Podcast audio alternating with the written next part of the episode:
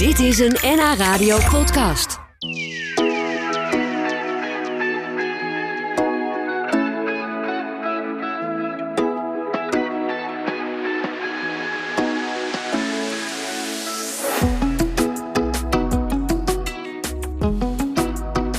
Onze lunchgast die kent denk ik alle dieren in Artes persoonlijk. En misschien wel bij naam als ze een naam hebben. Charlotte Vermeulen was ruim 30 jaar huisbioloog van Artes.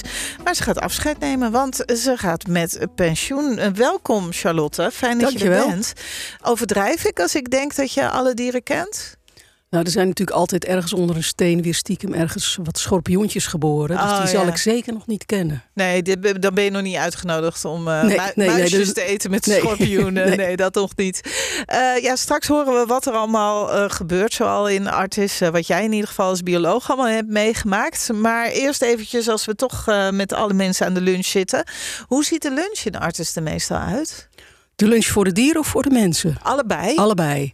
Nou, wat eh, in de tegenwoordige restaurants van Artes eh, hebben we, net als jullie hier in de studio hadden, lekkere vega-kroketjes en allerlei andere vegetarische gerechten. Want Artes is voor de bezoekers nu geheel vleesvrij. Echt voor alle bezoekers? Ja, en in het personeelsrestaurant in de ontmoeting is het ook vleesvrij.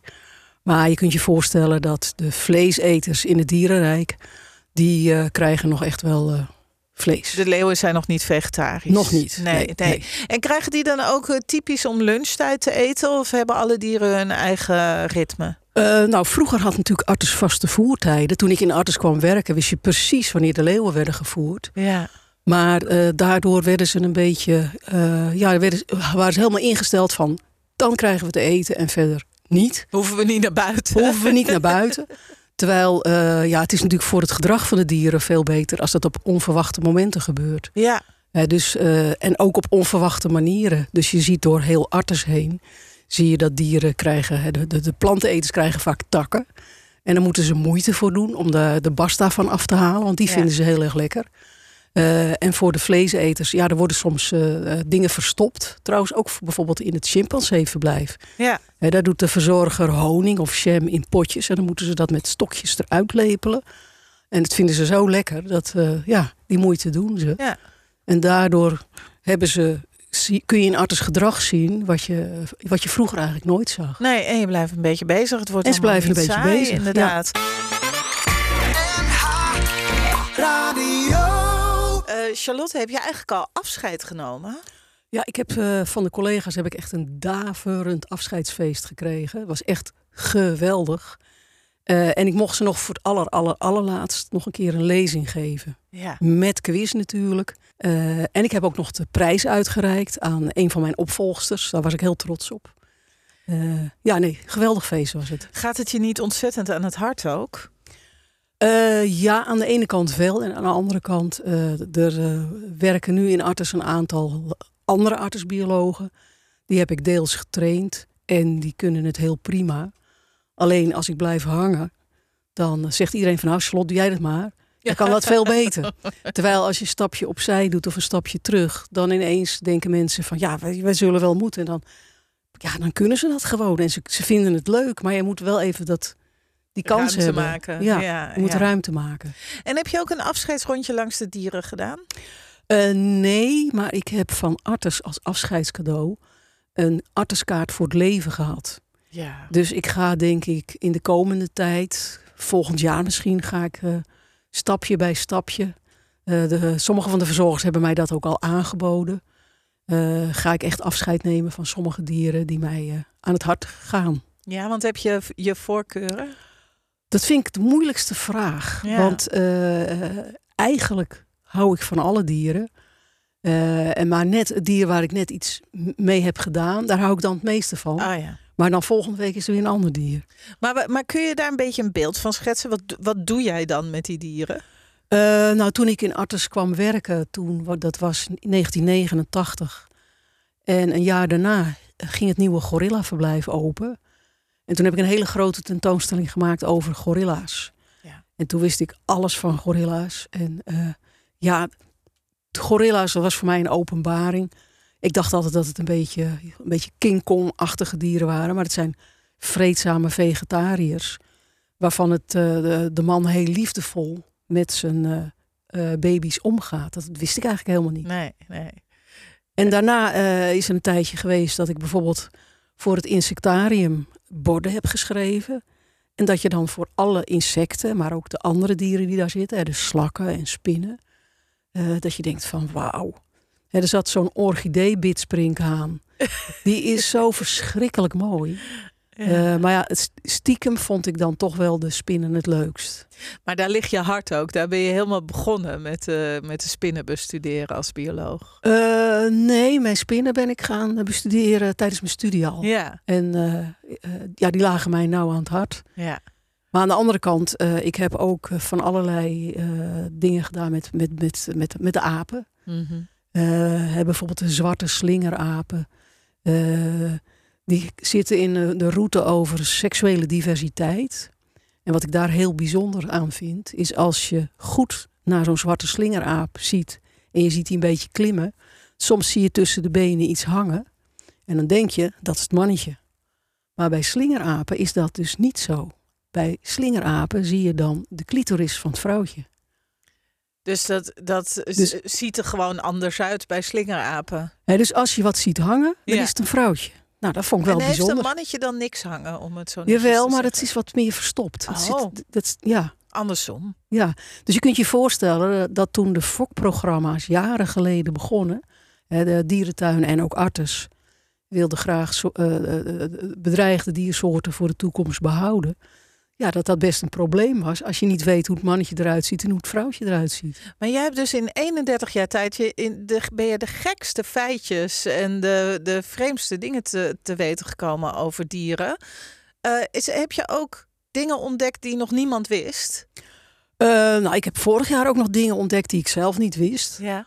Eh, ik wist niet dat er interseksuele de- dieren waren. Dat wist ik gewoon niet. Wat is interseksueel? Eh, dat is eh, non-binair misschien. Oh, ja. ja, Hè, dus bij, bij, dieren, bij ja. diersoorten waar je mannetjes en vrouwtjes hebt. Ja. En bij heel veel diersoorten zitten daar ook tussenvormen tussen. Eh, en wat dus lastig is, is als je naar het dierenrijk kijkt, als je naar diergedrag kijkt, dan zie je vaak wat je verwacht. Ja.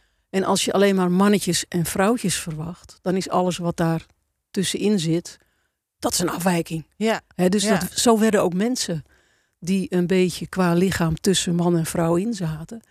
Hè, werd met een operatie werd eh, dat werd gecorrigeerd. Ja. Terwijl ja. als je kijkt naar de natuur en je ziet in die rijke natuur komt het allemaal voor, dan kun je je afvragen of wij dat wel hadden moeten doen. Ik denk van niet. Ja, dan hebben we eigenlijk op een vreemde manier geëvalueerd. Ja, en er is nu wat meer ruimte voor. Ook, ook bij mensen zelf. Die hoeven niet zich te persen in een hokje waarvan ze zelf denken van ik moet of dit zijn of dat. En zo komt eigenlijk eh, die wereld van arters, die, die is altijd ook weer voorbij de hekken, eh, is die weer in contact met de grotere wereld. Zie je ook weer allemaal ver- verbanden en dergelijke. Ik, ik vroeg me heel even af, heel iets anders, maar eh, heeft arters niet eh, ontzettend last van die, eh, de crisis rondom eh, ehm, eh, ja, gas wil ik zeggen, maar dat is een beetje raar. Maar eh, Nou. Energie, energie, Ja, en, brand, energiecrisis, dacht je. energie en Ja. brandstof, dat raakt natuurlijk iedereen. Ja, Maar, maar al eh, die hokken moeten verwarmd en verlicht. En, eh, Maar Artis heeft een aantal jaren geleden een nieuwe koers ingezet. Ja. En eh, het gibbonverblijf, wat vorig jaar open ging. En gibbons, dat zijn hele leuke mensapen. eh, dat is een fossielvrij verblijf. ja. En dat is het tweede fossielvrije verblijf van Artis. En je moet je voorstellen, dat zijn tropische apen. Tropische mensapen. En dat betekent dus dat eh, als je voor dat soort dieren een fossielvrij verblijf kunt maken... ja, dan kan het eigenlijk stap voor stap voor heel Artis. En voor mensen. En voor mensen. Ja. En, wat ik, en wat, eh, wat ik ook heel bijzonder vond, is om te zien dat bij de renovatie van alle monumenten van Artes, hè, want Artes heeft 26, ik herhaal, 26 rijksmonumenten. eh, daar is bij elke renovatie gekeken, hoe kun je zo'n gebouw nou verduurzamen?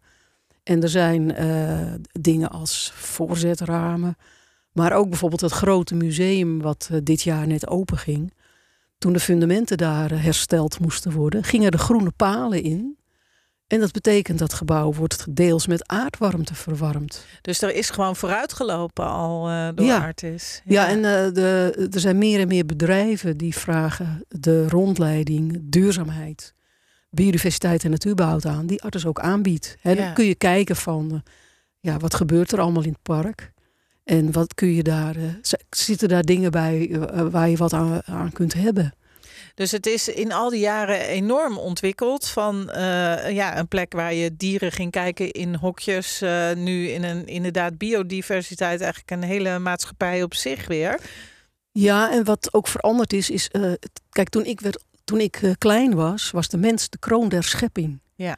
En eh, eh, wij keken naar de natuur alsof het iets anders was. En alsof wij daar van alles mochten kon- en konden doen. En je ziet nu wat je daarmee aanricht. Terwijl langzamerhand zie je, ja, de mens is onderdeel van de natuur. En in heel veel gesprekken zie je ook dat wij leven in een verband. Ja. En vroeger werd er, ook in Artes, werden de verhalen verteld over dieren. En nu vertelt Artes de verhalen over dieren en planten. Ja. En microben en mensen. En wat je met elkaar te maken he- he- eh, hebt. Ja. En wat je van elkaar kunt leren. Een enorme ontwikkeling die jij al helemaal hebt meegemaakt. We praten er zo nog eventjes over verder. Hier zit eh, collega Anneke en Charlotte Vermeulen van eh, de huisbiologen van Artis. Zitten gewoon allerlei dieren te bespreken nu. Van schorpioenen tot slangen. En worden jullie het nu eens dat jullie wel een keer zo'n zo'n slang als sjaal om willen hebben, Charlotte? Nou, sla- slang vasthouden heb ik in het verleden wel gedaan. En dat Ja. is heel bijzonder. Maar, maar dat is toch hartstikke eng ook? Ja, ben, Eh, ben je wel eens bang voor een dier? Eh, nou, gifslangen vind ik eng. Ja, Ja, nee. En eh, schorpioenen vind ik ook, eh hou ik me ook verre van. ja. Maar dat is volgens mij ook eh, verstandig. Ja, maar dat is met giftige spinnen ook zo. Maar die vind je dan weer leuk. Ja, maar de spinnen die wij in Nederland hebben, die zijn niet giftig. Nee, Althans, nee maar voor een- artis loopt toch wel wat rond wat je niet eh, moet aaien? Eh, nou, vogelspinnen zijn niet echt heel giftig hoor. Oh, oké. Ja, voor, voor, voor eh, hun prooi wel. Maar, Ja, maar voor ons eigenlijk niet. niet. Nee. Kijk. Ja, jij weet natuurlijk alles. Na, na ruim 30 jaar artis. er is weinig dat je niet weet. Alhoewel je net al vertelde dat je vorig jaar nog nieuwe dingen weer, weer leerde. Toen jij begon in artis, was het toen... ja, het was natuurlijk ook weer niet de middeleeuwen. Maar was het toen nog echt hokjes en dieren kijken? Nou, toen ik in arts begon, waren er heel veel diersoorten. En wat Ja. je vooral ook zag, is er waren heel veel grote diersoorten. Oh ja. En eh, uiteindelijk is het aantal soorten sterk verkleind, maar ook is het aantal grote dieren sterk verminderd. Ja, 80 soorten vlinders in het vlinderpaviljoen. Hmm. En waar er dan telkens zoiets van acht of tien soorten rondvliegen. Dat is natuurlijk, neemt natuurlijk heel wat minder eh, ruimte in dan eh, eh, 80 soorten grote katten. Of ja, ik noem maar wat. ja. Nou, zoveel hadden we er niet hoor, maar Ja, gaat ook Eh, beter samen. ja. Ja. ja, dus het is veranderd in dat er eigenlijk meer verschillende kleinere dingen zijn. En... ja, en de verhalen per soort zijn ook eh, groter geworden. Ja, vroeger was een olifant goed. Ja. Dacht je, oh, een olifant. Ja. Maar er zijn natuurlijk En ik heb nog oude bordjes gezien, bijvoorbeeld bij het giraffenverblijf. Een bordje van, nou nog niet eens zo heel lang geleden, stond een giraf. Ja. En mensen hoorden daarvan op, kijk, een giraf. Ja. Eh, terwijl tegenwoordig, ja, wil je veel meer weten. soort giraf. En mensen Merk. weten zelf ook meer. Hè? Mensen, Ja. mensen hebben natuurlijk zelf allemaal eh, allerlei documentaires gezien, YouTube-filmpjes, Dingen opgezocht. dingen Ja. opgezocht. Hè? Dus, oh, wat grappig. dus ja. mens, eh, alle luisteraars nu, die weten misschien meer dan de gemiddelde bioloog, laten we zeggen, 100 jaar geleden. Een vraag die ik nog kreeg is: eh, wie begraaft een olifant als hij doodgaat in Artes? Moet de verzorger dat doen? Eh, nou, alle dieren die doodgaan, het klinkt misschien een beetje raar, maar die zijn een bron van informatie. En dat komt omdat dieren die ziek zijn, die verbergen dat. Dus, eh, want in de natuur, als je ziek bent als dier, dan word je natuurlijk als eerste gepakt. Dus ze houden dat zo lang mogelijk voor zich. En vaak als een verzorger ziet dat een dier echt ziek is, dan is die al zieker dan wanneer wij ziek zouden zijn. En dat betekent dat alle dieren gaan standaard, als ze overlijden, als ze doodgaan, gaan ze naar het Diergeneeskundig Instituut in Utrecht. En daar wordt gekeken, kunnen we nou iets leren over waarom die dier is dood, doodgegaan? Eh, hebben ze verborgen gebreken? Eh, is het voedsel in orde? Hebben ze misschien een bepaalde ziekte? En dan kunnen de, de dieren die nog in dat verblijf zitten en wel leven, die kunnen daar weer van mee profiteren. Ja, ja.